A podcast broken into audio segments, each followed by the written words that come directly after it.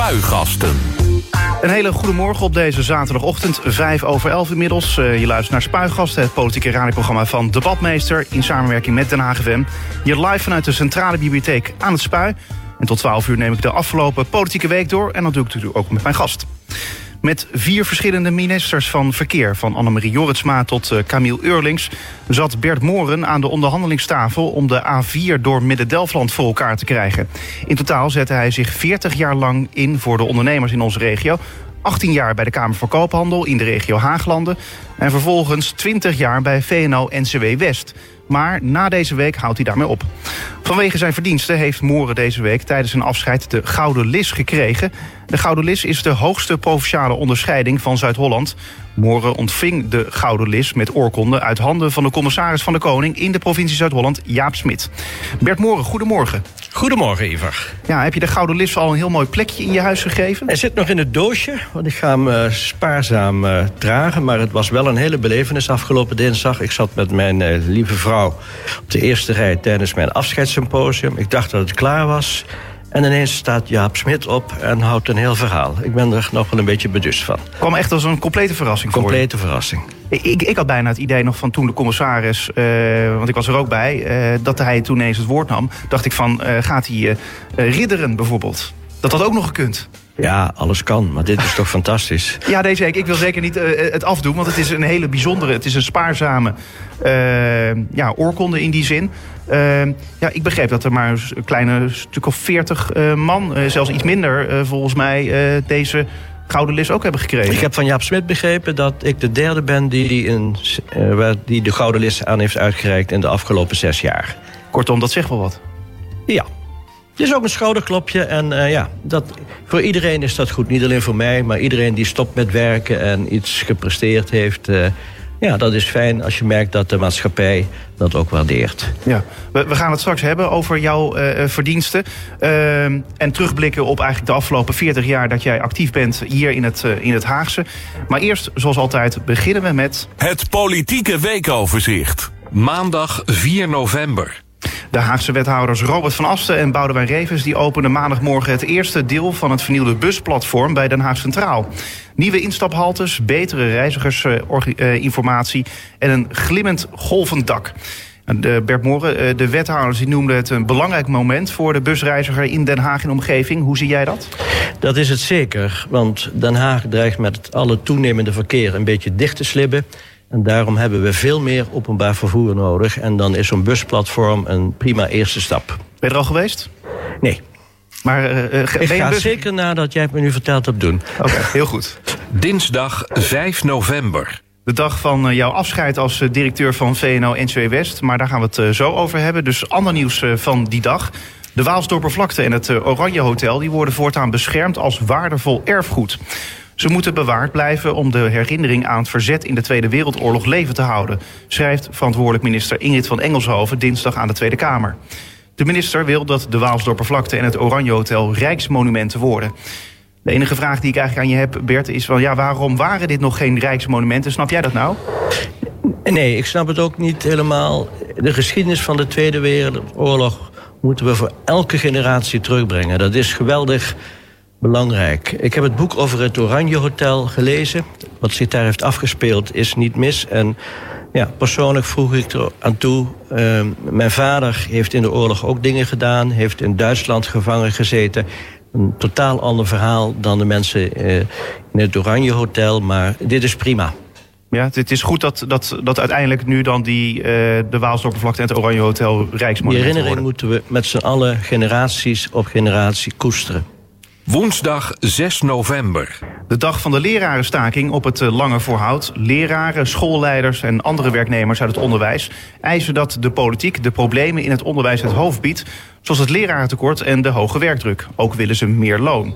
Onderwijsminister Arie Slob heeft eenmalig 460 miljoen euro toegezegd, maar de Algemene Onderwijsbond gaat door met actie voeren. Begrijp jij eh, eigenlijk die onvrede bij die leraren? Ja, ik begrijp ze. Onderwijs is essentieel voor de toekomst eh, van jonge mensen en onze functioneren van de maatschappij. En hetzelfde geldt eigenlijk ook voor mensen die in de gezondheidszorg werken, mensen die bij de politie werken. Dat zijn drie sectoren die voor ons welzijn essentieel zijn. Dus die moeten we koesteren en daar moeten we ook wat meer centjes voor over hebben. Maar het probleem is natuurlijk van ja, als je dan eenmaal begint met die drie sectoren, dan zeggen die andere sectoren die we nu allemaal niet noemen, wij willen er ook geld bij. Ja, maar zo heel veel andere sectoren die tekort komen zijn er denk ik niet. Nee? Nee. Ja, ik zou. Ja, misschien ondernemers. Die redden zichzelf wel. Oké. Donderdag 7 november. Richard de Mos blijft als fractievoorzitter van Hart voor Den Haag Groep de Mos opkomen voor individuele ondernemers. Iedere ondernemer met problemen kan steun verwachten van de partij. Dat zegt de Mos op de dag dat hij weer terugkeert in de Haagse gemeenteraad. Ja, Bert, ik weet niet in hoeverre jij Richard de Mos goed kent... maar wat vind je ervan dat hij uh, terug de gemeenteraad in is gegaan... terwijl hij ook nog verdachte is in een corruptiezaak? Dat kan in onze rechtsstaat volgens de regels. Dus dat is oké. Ik heb Richard verschillende keren gesproken. Ik heb een man ontmoet met een groot hart voor ondernemers. Een hele energieke man. Maar ik kan natuurlijk niet beoordelen wat de Rijksrecherche nu aan het onderzoeken is. Nee, uh, maar in die zin, uh, ja, hij was wethouder ook uh, namens die ondernemers. wat heb je eigenlijk gemerkt van Richard de Mos als wethouder? Nou, hij wilde bijvoorbeeld een contactpunt voor ondernemers met problemen... dat die echt snel bij de gemeente geholpen kunnen worden. Dat vind ik te waarderen. Maar ik denk dat Richard de stad nog een andere boodschap heeft gegeven... en ook de andere politieke partijen. Zorg dat je goed contact houdt met de wijken in de stad... met de inwoners in de stad... en je niet isoleert in het biotoop van het stadhuis. En dat spreekt jou wel aan? Dat spreekt mij zeer aan, want Den Haag is een eh, heel diverse stad... Met heel veel wijken waar het uitstekend gaat. Heel veel wijken ook waar problemen zijn op sociaal en veiligheidsgebied. En ik denk dat het een, ja, bijna een plicht is van gemeenteraadsleden in deze tijd om zich daar heel vaak te laten zien. Vrijdag 8 november. Alkmaarse kaasdragers die hebben vrijdag hun bekende dribbel gedemonstreerd in Den Haag. En kaasmeisjes deelden kaasblokjes uit aan Hagenaren. De mini-kaasmarkt was bedoeld als bedankje aan de stad voor het uitlenen van het Cars Jeans Stadion aan AZ. Die club moest uitwijken naar Den Haag omdat het dak van hun eigen stadion was ingestort. Uh, Bert, uh, sympathiek gebaar van die Alkmaarders, toch? Ja, prima dat voetbalclubs met positief uh, dingen in het nieuws komen. En ook elkaar hebben. Geweldig dat ADO ook het stadion ter beschikking heeft gesteld aan AZ. Ja, merken wij daar dan economisch nog iets aan, denk je? Nee, ik denk niet zoveel. Nee, het is niet zo dat er straks ineens allerlei Alkmaarders of Noord-Hollanders naar Den Haag toe komen. En wij naar Alkmaar. nou ja, goed, maar ik bedoel, uiteindelijk is het wel zo dat, uh, daar zat ik dan weer aan te denken, dat ja, die, die supporters die komen naar het Karsdien Stadion dan om ja. die wedstrijden van AZ uh, te volgen. Goed dat ze naar Den Haag uh, toe komen, die besteden hier misschien nog wel wat. Ja. Op die manier dacht ik er nog aan. Ja, kan kan. Maar het is niet dat jullie vanuit VNO en CW West geen uh, berichten daarover hebben gehoord. Grote beursberichten hierover gelezen. Dan laat het hierbij. Zaterdag 9 november. De politieke partijen NIDA en de Haagse Stadspartij die hebben een spoeddebat in de Haagse gemeenteraad aangevraagd over het verstoren van een bijeenkomst van Kick-Out Zwarte Piet in Den Haag. Dat schrijft NIDA op Twitter. Uh, heb je het gevolgd, uh, Bert? Ja, ik heb het gevolgd. En uh, ik ben er eigenlijk wel een beetje door geschokt. Dat een rechtsextremistische raddraaiersclubje met groot geweld vernielingen pleegt. En dat kan natuurlijk niet. Aan de andere kant, het gaat hier over Sinterklaas en Zwarte Piet. En dat is een kinderfeest. En ik denk dat we zoveel mogelijk zaken die er niet mee te maken hebben de buiten moeten laten. Het moet om de kinderen gaan. Punt. En uh, iets anders is weer... in onze Nederlandse geschiedenis zitten ook wat zwarte bla bladzijden. We hebben het met elkaar over de Gouden Eeuw. In die Gouden Eeuw heeft Nederland ook een slavernijtraditie opgebouwd... die niet goed is. Daar mogen we best met elkaar aandacht aan besteden. Meer aandacht. En ik denk dat we het eerder via die weg moeten zoeken... dan elkaar een beetje de kop inslaan... Uh, met demonstreren over de kinderen heen. Ja. Alleen het lastige is, uh, ja, partijen die zo ver van elkaar uh, vandaan staan... Ja, die kun je moeilijk met elkaar in dialoog brengen, toch? Uh, dat klopt. De, de, verdraagzaamheid in Nederland kan op dit moment een heel stuk beter. Ja, maar wat doen we er dan aan? Nou, in de eerste plaats door de mensen die dat incident hebben veroorzaakt... en vernielingen hebben gepleegd, tot de orde te roepen door politie en uh, justitie. En uh, in de tweede plaats door ja, toch met elkaar het gesprek te voeren over zowel de kinderen die Sinterklaas mogen kunnen vieren op hun manier, als de manier waarop we met elkaar omgaan.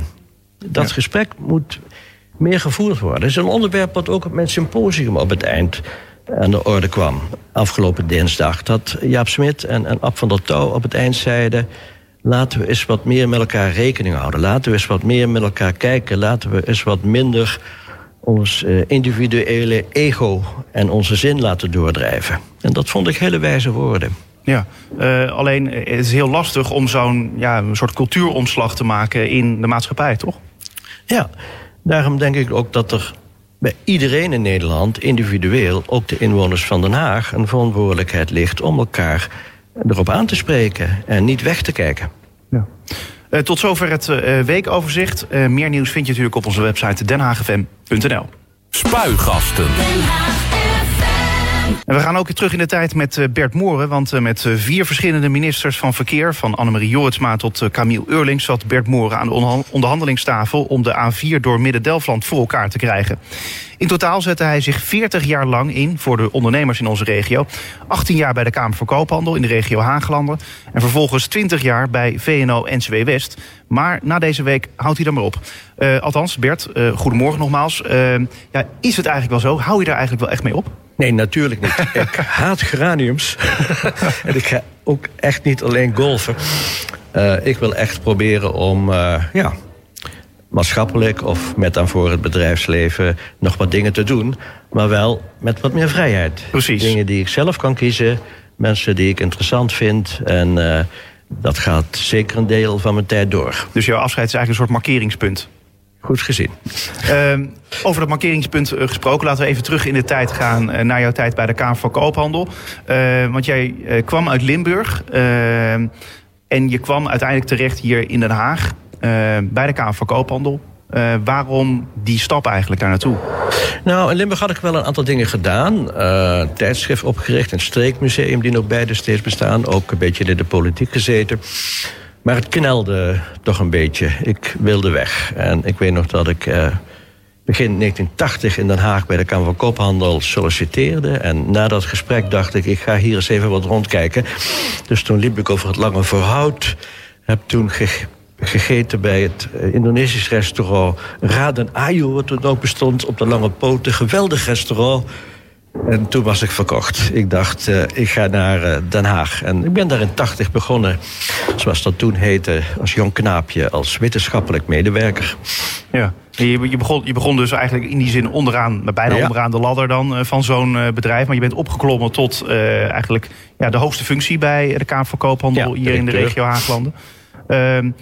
Hoe, hoe was die Kamer voor Koophandel in die tijd? Uh, anders dan nu? Want ik bedoel, nu is het vooral een faciliterende uh, instantie ja. eigenlijk. Nou, in die tijd uh, had de Kamer van Koophandel naast de taak van het handelsregister... dus de inschrijving van bedrijven en handelsvoorlichting... bijvoorbeeld op het gebied van export... ook de taak om de overheid te adviseren over de belangen van het bedrijfsleven. En dat was eigenlijk mijn hoofdtaak. En uh, ja, dat was in het begin van die tachtige jaren in Den Haag uh, best lastig. Want je had een gemeentebestuur met uh, een aantal types die echt nou ja, een beetje tekeer wilden gaan, zich wilden laten gelden. En aan de andere kant toch een wat conservatieve Kamer van Koophandel, die ook nog niet zo heel veel deed met uh, media, uh, standpunten vertellen. Vooral brieven schrijven deed men.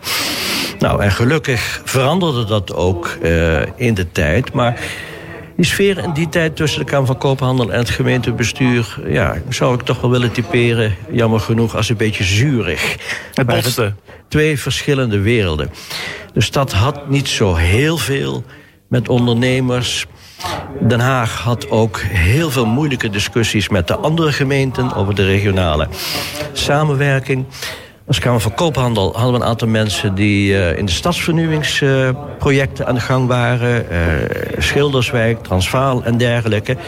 Om de belangen van ondernemers te borgen. We hadden toen Adrie Duivenstein, een van de meest geëngageerde wethouders die Den Haag ooit heeft gehad. En ja, die wilde zeer terecht uh, die verloederende wijken weer uh, op peil uh, brengen. Alleen, hij vergat dat er ook veel kleine bedrijven zaten.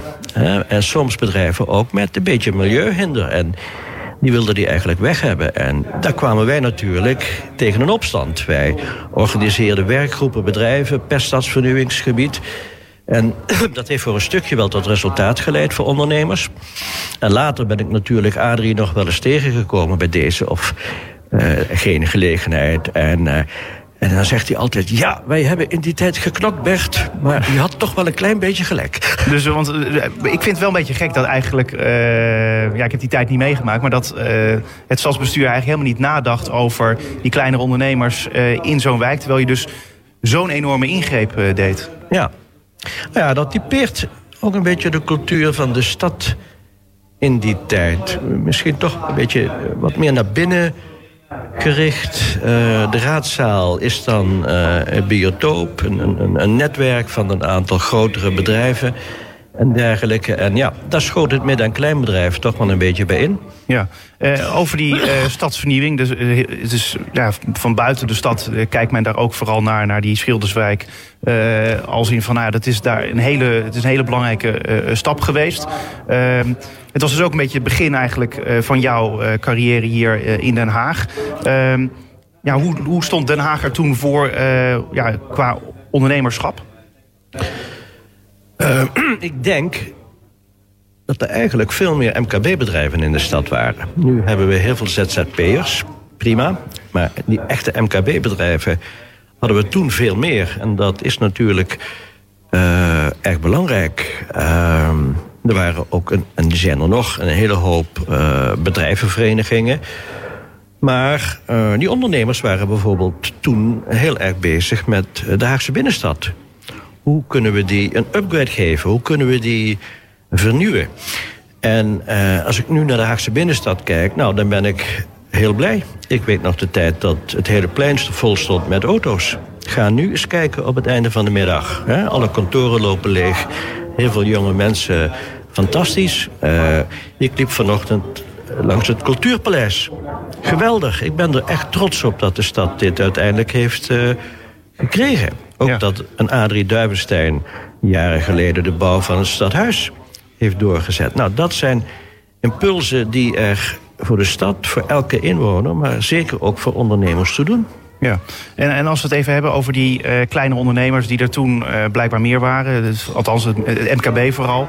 Uh, ja, waardoor zijn die, dan, zijn die dan nu ineens verdwenen? Uh, is dat in de loop der jaren zo gegaan? Nou ja, daar speelt de dynamiek van de economie, de lifecycle van het bedrijf. Op een gegeven moment is het een beetje over. Uh, maar daar speelt ook uh, de ruimte, de fysieke ruimte voor bedrijven. De regelgeving, de milieuwetgeving, de aanpak van, uh, van het verkeer. En daardoor zijn toch in Den Haag redelijk wat bedrijven sluipenderwijs van de kaart verdwenen. En dat is met name voor Den Haag erg jammer. Want ja, we hebben wel een aantal prachtige kantoortorens, maar dat zijn uh, ministeries, ambtenaren. We hebben uh, te weinig MKB-bedrijven. Want die zijn voor de arbeidsmarkt van de stad geweldig belangrijk. Maar zie je dan, uh, ik, bedoel, ik neem aan, je, je was uh, toe bij de Kamer van Koophandel. Je kwam ook wel eens in uh, andere delen van het land, lijkt mij. was het dan zo anders in Rotterdam of in Amsterdam of Utrecht? In Rotterdam was het toen ook niet best heel veel problemen in de stad. Maar als ik de laatste tien jaar naar Rotterdam kijk... dan zie ik daar een geweldige dynamiek, een geweldige drive... van heel veel groepen in de bevolking... en zeker ook de ondernemers om er wat van te maken. Ik zie daar uh, heel veel trots op de stad. Maar het zijn wel vooral ketens geworden, toch, tegenwoordig? Als je het vergelijkt dus met uh, vroeger. Je hebt nu dus, bij wijze van spreken, de grote ketens. En je hebt de ZZP'ers. En toen had je dus blijkbaar nog wel veel meer MKB. Ja, dat MKB is belangrijk voor de stad. Uh, ook bedrijven die, uh, waar mensen met de handjes kunnen werken. Niet, zoals ik net al zei, niet iedereen moet je in een sexy kantoor willen, willen stoppen. We hebben een heel brede beroepsbevolking in Den Haag. heel veel op, hoogopgeleide. Ook heel veel mensen die ongeschoold zijn. Die wel praktische dingen kunnen doen. En ja, ik denk dat Den Haag het zich niet kan permitteren om ja, in zijn economie aan die groep voorbij te gaan. Want dan krijgen we problemen. Ja. Nog even over jouw tijd bij de Kamer van Koophandel. Ja, in, in hoeverre is dat dan aan het einde van de Kamer van Koophandel tijd... als je, daar, als je daarover terugdenkt, aan terugdenkt... wat is dan het belangrijkste wapenfeit geweest van die Kamer van Koophandel in al die jaren? Nou, ik zou één ding willen noemen... Uh, ik had het net over die, het gebrek aan samenwerking in de regio. De Kamer van Koophandel heeft toen op zich genomen om zelf een regiovisie te maken voor het hele gebied van Haaglanden. Dat is heel bijzonder? Uh, ja, dat heeft uh, in die tijd deed geen Kamer van Koophandel dat. Ik herinner me dat ik met een journalist toen een dag in een vliegtuigje heb gezeten. Want we kwamen uiteraard met een rapport. Hè. Dat was de tijd van rapporten. Rapporten schrijven. Maar daar moesten ook voldoende foto's in. Dus we hebben een hele dag luchtopnames gemaakt van allerlei mooie locaties. Maar wat om gaat is, we gaven toen onze visie op bedrijfsterreinen, op de industrie, op toerisme, op het uh, kantorenbeleid, uh, op de nou, zaken. En dat hebben we toen gepresenteerd in de rolzaal op het Binnenhof... met oud-minister Koos Andriessen van Economische Zaken erbij. Dat was een hele grote oplap. En dat verhaal is eigenlijk integraal overgenomen... toen door het stadsgewest Haaglanden. Die zeiden, wij maken daar ons beleid van. Nou, dat vond ik wel mooi. En dat laat ook zien dat het bedrijfsleven en de ondernemerswereld wint... als ze proactief is. Niet alleen achteraf uh, moeilijke briefjes stuurt naar het gemeentebestuur. We zijn het er niet mee eens. Maar ook zijn eigen agenda aangeeft. Zegt van waarom doe je niet dit, waarom doe je niet dat. Dus dan wordt dat positief adviseren is dan veel belangrijker dan negatieve kritiek achteraf. Ja. Uh, dit was dan een van de uh, rapporten die je dan bij uh, ja, de Kamer van Koophandel hebt, gemaakt of geschreven. Is het het enige of is dit... Nee, we zijn toen ook bezig geweest met een voorstel voor uh, de inrichting van Ipenburg. Wij vonden toen dat Ipenburg een bedrijventerrein zou moeten worden. Ook kijkend naar het tekort aan bedrijfsruimte in Den Haag. Dat het gelegen tussen Den Haag en Delft, Delft-Kennisstad... heel geschikt zou zijn om technologische bedrijvigheid te vestigen. Nou, dat is helaas niet doorgegaan. Want de woningbouwtrein die denderde voort. Gemeentes wilden alleen maar woningbouw. En die discussie gaat zich dus nu herhalen. hadden we het maar gedaan. Want nu hebben we in de hele regio nauwelijks meer uh, bedrijfsruimte. En dat nekt uh, de economische ontwikkeling. Maar zijn ook bezig geweest met uh, de hoge snelheidslijn. In de tijd van Ad Havermans als burgemeester. Toen hebben we gelobbyd bij de Tweede Kamer om die aansluiting te krijgen met een eigen plan voor een station, een nieuw groot OV-station bij het Prins Klausplein. Uh, om op die manier ook het groene hart te ontzien. Nou, daar hadden we een hele grote coalitie voor met de ANWB en allerlei instanties. En ik weet nog dat uh, Paul Nouwen van de ANWB en ik op de kamer van Frits Bolkestein, toen de leider van de VVD zaten, en dat Frits zei van, ja, jullie hebben wel gelijk, maar Annemarie wil het niet. En daar bedoelde die Annemarie Jorritsma mee. De minister van Verkeer die dat toen was, toch? Ja. Uh, opvallend, want uh, dit uh, laatste voorbeeld van de hogesnelheidslijn... Ehm, ja, om, een, om een soort van tussenstop te maken in Den Haag... vooral bij, daar bij het Prins Klausplein... dat is eigenlijk iets wat nu weer voorbij komt. want nou, een paar weken geleden was volgens mij de Dag van de Stad. en op dat nou, symposium werd ook gezegd... van nou, maak een soort mega-treinstation daar bij het Prins Klausplein... eigenlijk precies op diezelfde plek. Dus je ziet dat plannen in, ook in al die nou, 40 jaar... We krijgen een recycling. Precies, recycling van, van plannen. Allerlei plannen. En uh, ik vind het wel erg mooi, want ik denk zelf dat. Stel we kijken op een termijn van een jaar of 20, 25, dan wordt dat openbaar vervoer in de randstad uh, nog, nog veel belangrijker. En dan moeten er echt, moeten echt zware light systemen ontwikkeld worden tussen de grote steden in. En dan is natuurlijk die plek daar bij het Klausplein is heel goed gelegen, heel centraal gelegen. Niet alleen voor Den Haag, maar uh, ook tussen Amsterdam, uh, Rotterdam uh, in. Daar is heel veel van te maken. Ja, uh, dan nog eventjes terug naar het punt over Ipenburg. Wat nu natuurlijk gewoon daar bekend staat als een wijk waar alleen maar woningen staan en misschien nog wel een klein stukje bedrijfterrein is geworden. Ehm, ja, je zei net van ja, een soort van de doodsteek voor de economische ontwikkeling. Maar dan denk ik, ja, we hebben de Binkhorst toch ook gewoon als een bedrijfterrein. Waarom keken jullie niet dan daarnaar als Ippenburg was een volledig nieuw terrein. Daar zat een vliegveld wat gesloten was. Dat kon je echt vanuit die positie heel mooi ontwikkelen. De Binkhorst was toen tijdens die discussie een, een terrein waar heel veel bedrijven al zaten.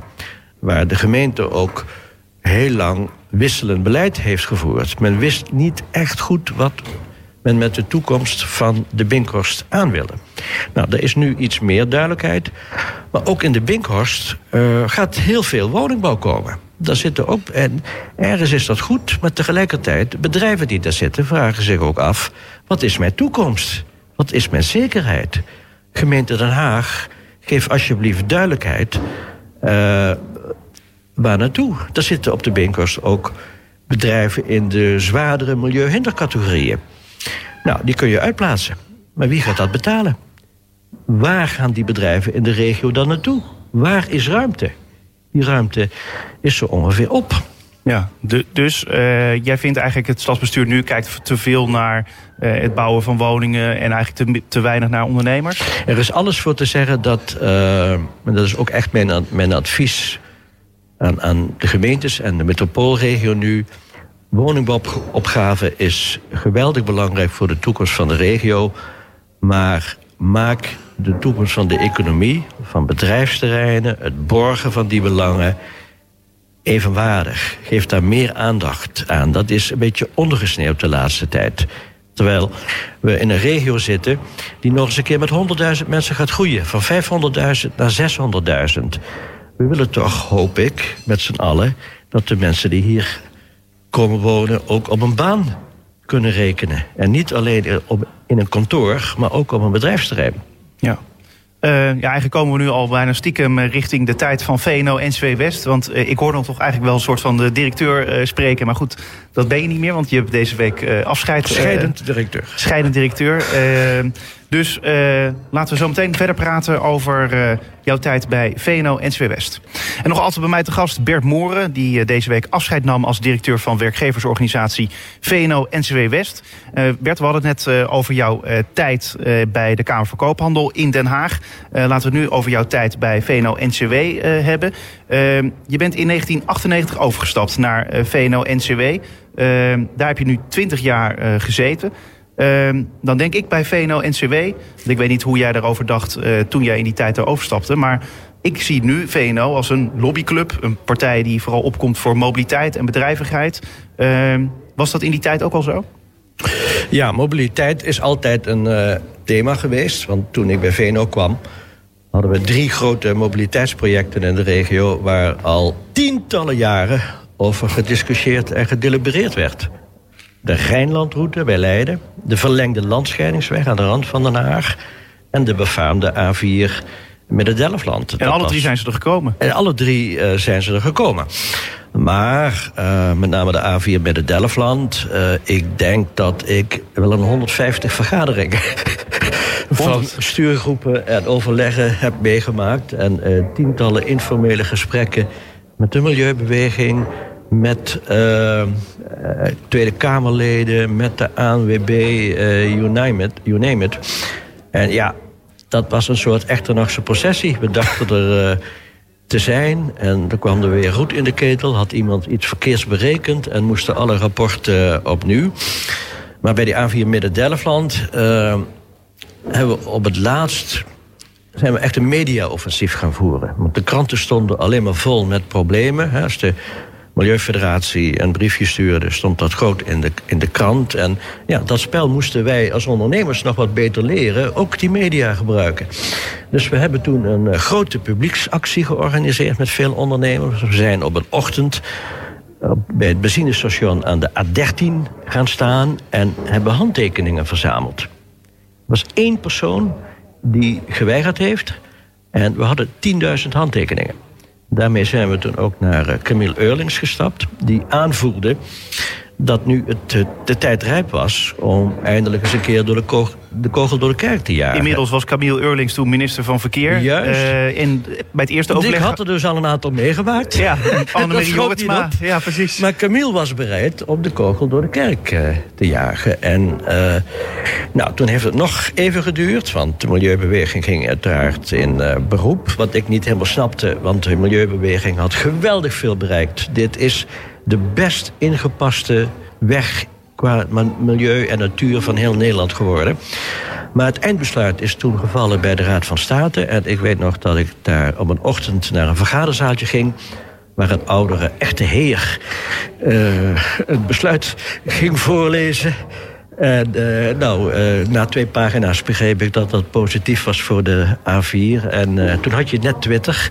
Dus dat heb ik toen maar gelijk rondgetwitterd. Ja, ja precies. Um, ik vraag me wel een beetje af, ja, wat doet VNO-NCW West daar, of in ieder geval jij, wat doe je daar nou aan tafel uh, bij al die overleggen over de A4 met de Delftland? Want het enige uh, wat belangrijk is, is toch vanuit VNO dan, uh, je wil dat die weg er komt. Ja. Wat ik heb geleerd met de lobby, je komt er niet alleen met getuigen, je eigen verhaal houden. Je moet ook luisteren naar andere belangen. Die andere belangen ook proberen mee te nemen in een totaaloplossing die evenwichtig is. Zoals die natuurorganisaties? Dat betekent dat we met de Stichting uh, Natuur en Milieu, de Milieufederatie, de ANWB... heel veel gesprekken hebben gehad over een betere inpassing van die A4. En dat is ook gebeurd bij andere wegenprojecten. En dat geldt algemeen voor lobby. Eerst maar eens luisteren. Niet gelijk een grote mond uh, opzetten over je eigen verhaal kijk, de ander serieus nemen. Kijken wat je met zijn of haar belang uh, kunt doen. En uh, daar kom je als ondernemersclub... maar misschien wel in het hele leven... ook met andere dingen het vers mee. Ja. Uh, het idee is dan wel weer, ja, je gaat met die andere partijen die eigenlijk anders denken dan jullie, ga je aan tafel om ervoor te zorgen dat die weg er, er komt te liggen. En niet zozeer om hun hun zin te geven, toch? Ze hebben voor een groot deel hun zin gekregen. Want er zijn uh, een aantal honderden miljoenen geïnvesteerd in een kwaliteitsaanpassing van die A4 Midden-Delfland. Ja, het is ook het duurste stukje snelweg ter wereld. Is, uh, ze hebben, de Milieubeweging heeft in die tijd permanent meegepraat over het verbeteren en steeds maar verder verbeteren van het plan. Was een beetje rupsje nooit genoeg. En toen uiteindelijk het besluit was, moest worden genomen wilden ze geen verantwoordelijkheid aanvaarden. En daar heb ik toen een, een, groot interview uh, over gehad in het dagblad uh, Trouw. Onder het motto: prima mee te praten, maar neem dan ook verantwoordelijkheid. Loop niet weg als het besluit moet worden genomen. Is het nou een van de redenen dan geworden dat, dat dit stukje snelweg een, uh, eigenlijk het duurste stukje snelweg van Nederland is geworden? Ja, die 50-jarige discussie en steeds maar meer belangen uh, erin verwerken, dat is precies de reden. Ja. Uh, en, en als we even kijken naar uh, VNO-NCW. ja, ik denk dan eigenlijk meteen als een lobbyclub voor multinationals. maar terwijl ik hoor jou net ook de het bijvoorbeeld hebben over MKB. daar denken mensen misschien niet zo snel aan. Ja, dat imago is er helaas een beetje. Dat wij uh, gaan voor Shell, ING, uh, et cetera. Uh, dat is ook een beetje versterkt door de discussie over de zogenaamde dividendbelasting. Ik denk persoonlijk dat hadden we anders moeten aanpakken. Dat is niet goed geweest voor het imago van VNO-NCW. Maar als ik naar de achterban van VNO-NCW West kijk... dat is voor 95 procent zijn dat MKB-ondernemers. En dat zijn ondernemers die in de wind staan. En zij zijn ook mijn inspiratie. Want dat in de wind staan betekent dat ze elke dag nadenken over hoe ga ik het morgen doen. Dat ze het ook wel eens moeilijk uh, hebben als, het, uh, als er beslissingen moeten worden genomen. Um, maar dat is ook de groep ondernemers waar ik persoonlijk de inspiratie vandaan haal. Waar ik uh, trots op ben. Want als ik bij ze kwam, en dat blijf ik doen... het eerste wat ze deden, een rondleiding door het bedrijf. Daar waren ze trots op. Nou, dat vind ik, uh, dat vind ik geweldig. Het zijn ook mensen Die dus niet jaar in jaar uit blijven doorzeuren of iets. Met dat type ondernemer kun je tien minuten een heel pittig gesprek hebben. Maar dat is het dan ook. Dan weet je waar je aan toe bent. En dat vind, dat vind ik geweldig.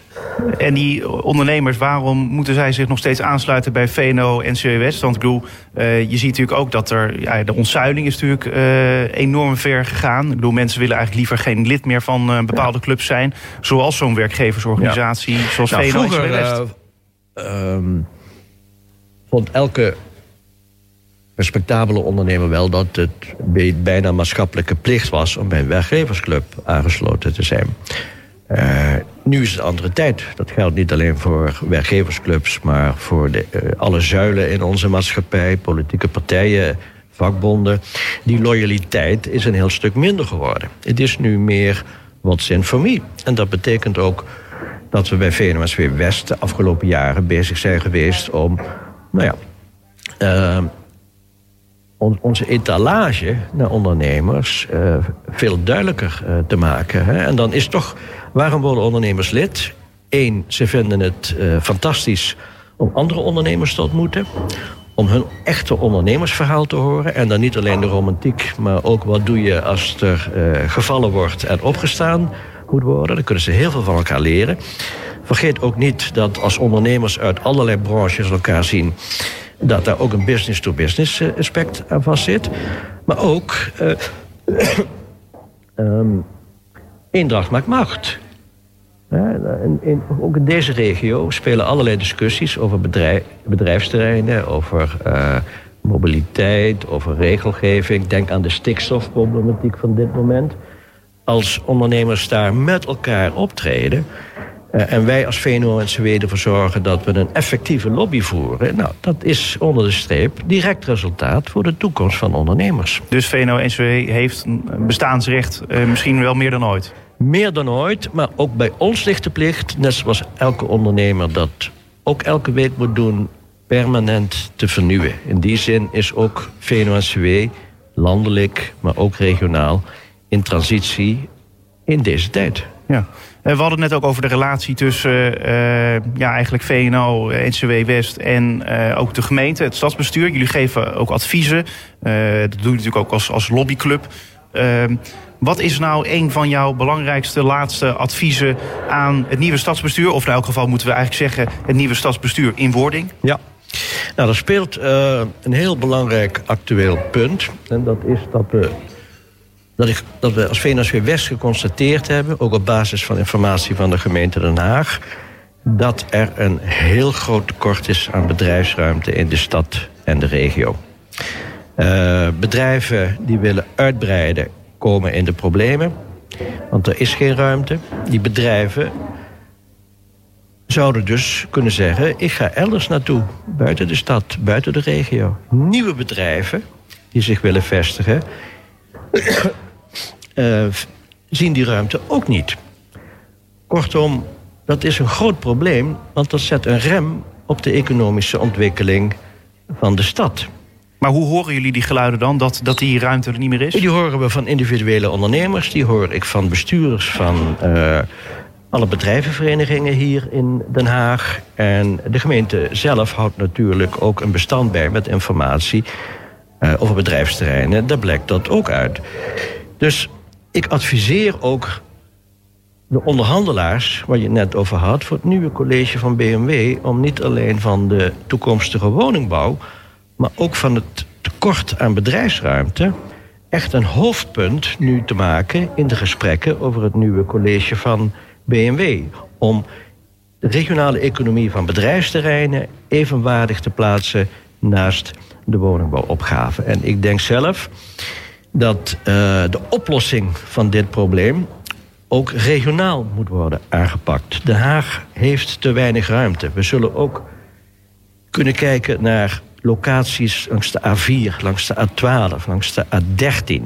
Gemeentebestuur zou ook nog eens precies kunnen kijken waar in Den Haag nog wel wat mogelijk is. Ik denk bijvoorbeeld aan leegstaande winkelpanden in uh, de wijken van uh, Den Haag uh, Zuidwest. Dat daar iets mee zou kunnen gebeuren. Dat is belangrijk, want het gaat ook om de werkgelegenheid en de sociale cohesie in onze mooie stad. Er komen heel veel duizenden inwoners bij. Die zullen we een baan moeten kunnen bieden. En dit deel van de economie moeten we echt borgen. En ik denk dat dat urgent is. Want het kan niet zo zijn dat we 100.000 woningen erbij gaan hebben. En dat de werkgelegenheid met duizenden daalt. Doordat we dit deel van de economie vergeten. Eh, want wat, gebeurt er als, we, uh, niet, uh, nou ja, als die onderhandelaars straks niet ervoor kiezen om dit als topprioriteit te maken bij de onderhandelingen? Nou ja, dan lopen we het risico, maar dat zal niemand willen, denk ik, dat ehm, bedrijven niet naar Den Haag zullen komen. Dat bedrijven de stad zullen verlaten. En dat betekent dat het toch al kwetsbare economie van Den Haag, die vooral gebaseerd is op de publieke sector, uh, er nog een probleem bij krijgt. En wanneer gaan we dat dan merken? Uh, dat is een proces wat een aantal jaren in beslag gaat nemen. We hadden het met elkaar een half uur geleden over het vertrekken van MKB-bedrijven in Den Haag en met name in de stadsvernieuwingsgebieden. Dan zou je dus een tweede golf uh, kunnen krijgen. En dat is niet goed. Ik denk ook, dat zal niemand willen. Het punt is, en daarom zeg ik het hier nu ook tegen Ivar, tegen jou in dit interview.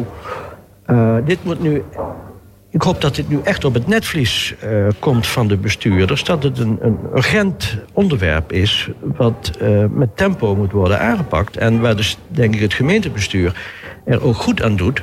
Om snel uh, samen met de metropoolregio, samen met de provincie, samen met omliggende gemeentes in kaart te brengen uh, waar de oplossingen kunnen liggen. Hier moeten we dus niet meer wachten. Maar mij lijkt, Bert, dat je dit niet uh, voor het eerst zegt tegen het stadsbestuur.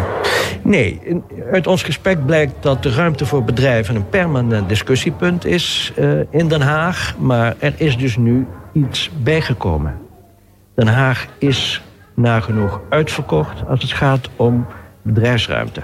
En dat bord mag eigenlijk nooit op de muur van het mooie stadskantoor hangen. We moeten, denk ik, als stad laten zien dat we dat probleem de baas kunnen... en dat het gemeentebestuur daar werk van maakt. Uh, Bert, uh, we hebben nog uh, één minuut wel geteld. is er nog één laatste ding wat jij kwijt wil...